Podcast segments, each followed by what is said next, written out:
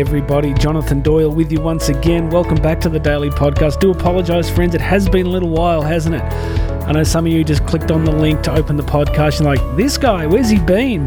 It has been a while, hasn't it? I have been. Uh, look, before I tell you what I've been doing, I just want you to imagine the greatest short motivational podcast you've ever heard because I just recorded it with the wrong microphone turned on. So after about 10 minutes of recording, I went to check the playback and it sounded like I was recording inside a cave under a box. It was terrible. Oh boy. So let's see what I can do second time around. Uh, where have I been? Look, I don't know how to answer that. I think, like all of us, COVID's had a lot of ramifications. And, you know, before COVID hit, I was traveling so much and just really enjoying that life. And I was in the US every few weeks and it was great. And it's been a big shift. And so like some of you listening, it's been a real journey of rediscovering what am I going to do? What am I here to do? And I realize more and more that no matter what happens, what I want to do is just encourage people and trying to help and serve and motivate people. It's what I it's what I need in my life. It's what I need people to do for me and I wanted to just keep doing it. I went to sleep last night and I thought it's been another good day. I did plenty of stuff, but I thought have I have I actually done enough for people today? I think we all got to be careful of becoming self-referential, right? Like we're sort of living our lives, and it's such a self-referential culture that we live in. So, look, I'm back. I want to try and serve you guys as much as I possibly can, just with little useful daily insights. I think many of you just have a quick listen in the morning, and hopefully this sets you up, you know, for a good start to the day. I, I'm using an app at the moment called Mindset, and I often just have this thing ready to go. So when I'm up in the morning at 4 a.m., I don't give my mind too long to have its way with me. By nature, I tend to be more of a melancholic personality, and if I let my brain just dictate the start of the day, it's never going to be that good. So, hopefully, I can serve some of that purpose for you guys and just keep bringing you that daily motivation. Look, make sure you check out the Calendly link. There'll be a link to my personal calendar because I'm going to, I don't know how much traveling I'm going to be able to do this year. So I am going to do a lot more coaching. I'm just, uh, there's just an opportunity for me to coach more people and to just to help you guys wherever you feel stuck business relationships health and fitness all of that sort of stuff. So there'll be go and check out the cal- calendly link at the end because it's uh, you just go and book a 30 minute free call totally free. We'll just jump on zoom for 30 minutes. You and i are going to talk and uh, absolutely no obligation. So there's no risk right? So let's see what uh, how i can help. So make sure you hit that link uh, what have I been doing? I, I I've been I've been reading David Goggins' new book, which is dangerous. Uh, some of you would know I often say David Goggins is my only hero. Uh, he's just uh, this fascinating African American guy who uh, former special forces operative, and then kind of got into the unhinged stuff that I'm doing these days, ultra marathons and that sort of stuff. And yesterday I did a 35 kilometer training run, and I was listening to his latest book, and oh boy, I just I went out I think on Monday and I did 30k and I did 35k yesterday, and this Saturday in like 36 hours time, I guess I have a 310 kilometer ride, 310 kilometers. So look, if I if I can do it in time, I'll jump on Instagram and uh, I'll reopen an Instagram account. I, I haven't used a lot of social media for a while, but I'll try and take some photos of this 310k ride. And I just say to people, look, it's relative. These are the things that I do that keep me feeling connected and alive and motivated. I like to have things in front of me, but it's relative. So my 310k might be, you know, for you, it might be a, doing a 10k run or a ride. It might, it mightn't even be physical. It might just be some project or something you've been avoiding doing. You know, in David Goggins' new book, he does this thing called the Moab 220 it's a 220 mile run. For my metric listeners, that's 400 kilometers. It's a 400 kilometer run you have to complete in 110 hours. So, yeah, I'm doing 310k on Saturday, but I'm doing that on a bike. he did 400k running. See how relative it is? What matters is that all of us are just engaged in interesting things that help us to live fully and encourage and bless other people.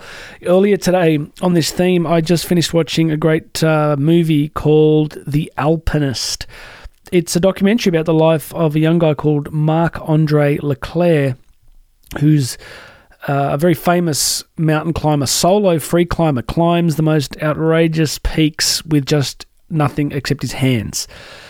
I'm, I'm talking like, you know, 2,000 feet of rock face with no rope, that kind of thing. The kind of thing where you sneeze or there's a mosquito on your ear. I guess there wouldn't be many mosquitoes at that height, but you get the point. You're gone, you fall. And uh, there's a scene at the end where his mother's talking and she sort of says that one of the things she hopes that his life teaches is that like Andre Leclerc show us that pressing through these barriers and you know self-imposed limits really open up life to be quite a remarkable experience. So I really do want to encourage all of us that there's these little steps that we take, these little steps of of growth and challenge that can be so important. Now I want to jump into today's quote. I like this one. It's from a lady called Betty Eadie. She says this: "If we understood the power of our thoughts, we would guard them more closely." If we understood the awesome power of our words, we would prefer silence to almost anything negative.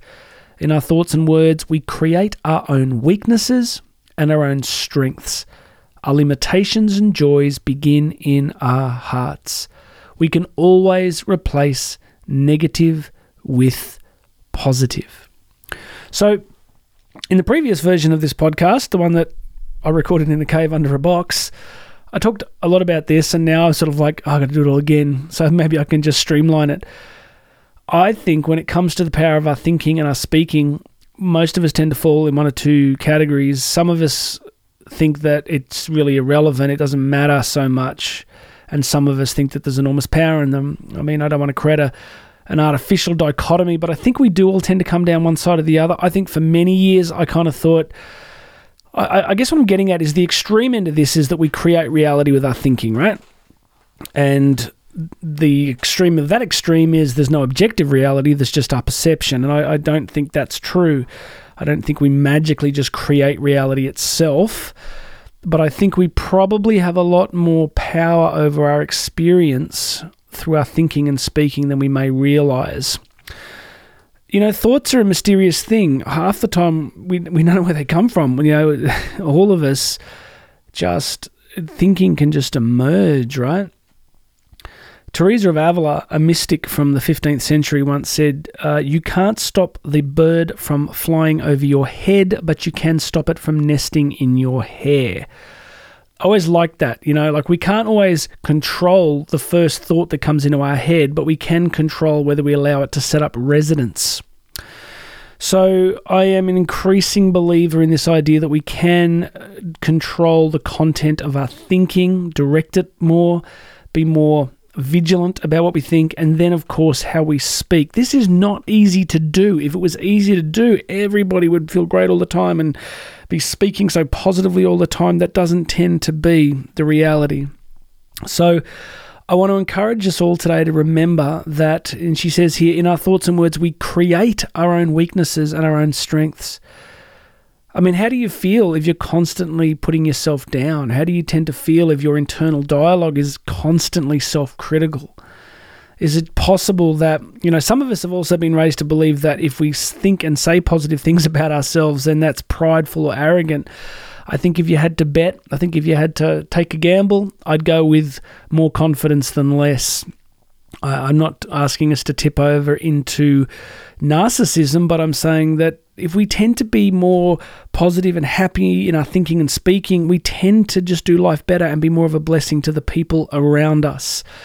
So, friends, that is the concept for today. Pay some attention to the thinking that's in your head. There was a three step process I came across recently in a book called Telling Yourself the Truth by uh, the authors here. I can see them on my bookshelf. It's Backus and Chapian. And in that book, they're kind of like the first step is to catch yourself in the act of thinking what you are thinking. Second is to evaluate whether it's real or destructive or helpful. And the third step is to replace it definitely with something that is helpful. So look at that three step process. What are you thinking? Is it true? Is it helping? And then replace it with something that is. This is the burden. This is the journey of life. This is the real moment by moment thing that we are all doing. We're all on this journey. We just got to get conscious. We got to get switched on to, to really be aware of how this stuff's playing out in real time. All right, that's it for me today. hit that Calendly link. I hope you can find it somewhere here on the podcast page, wherever you're listening. I'll try and make it obvious. Some of you will see it in the email that you get.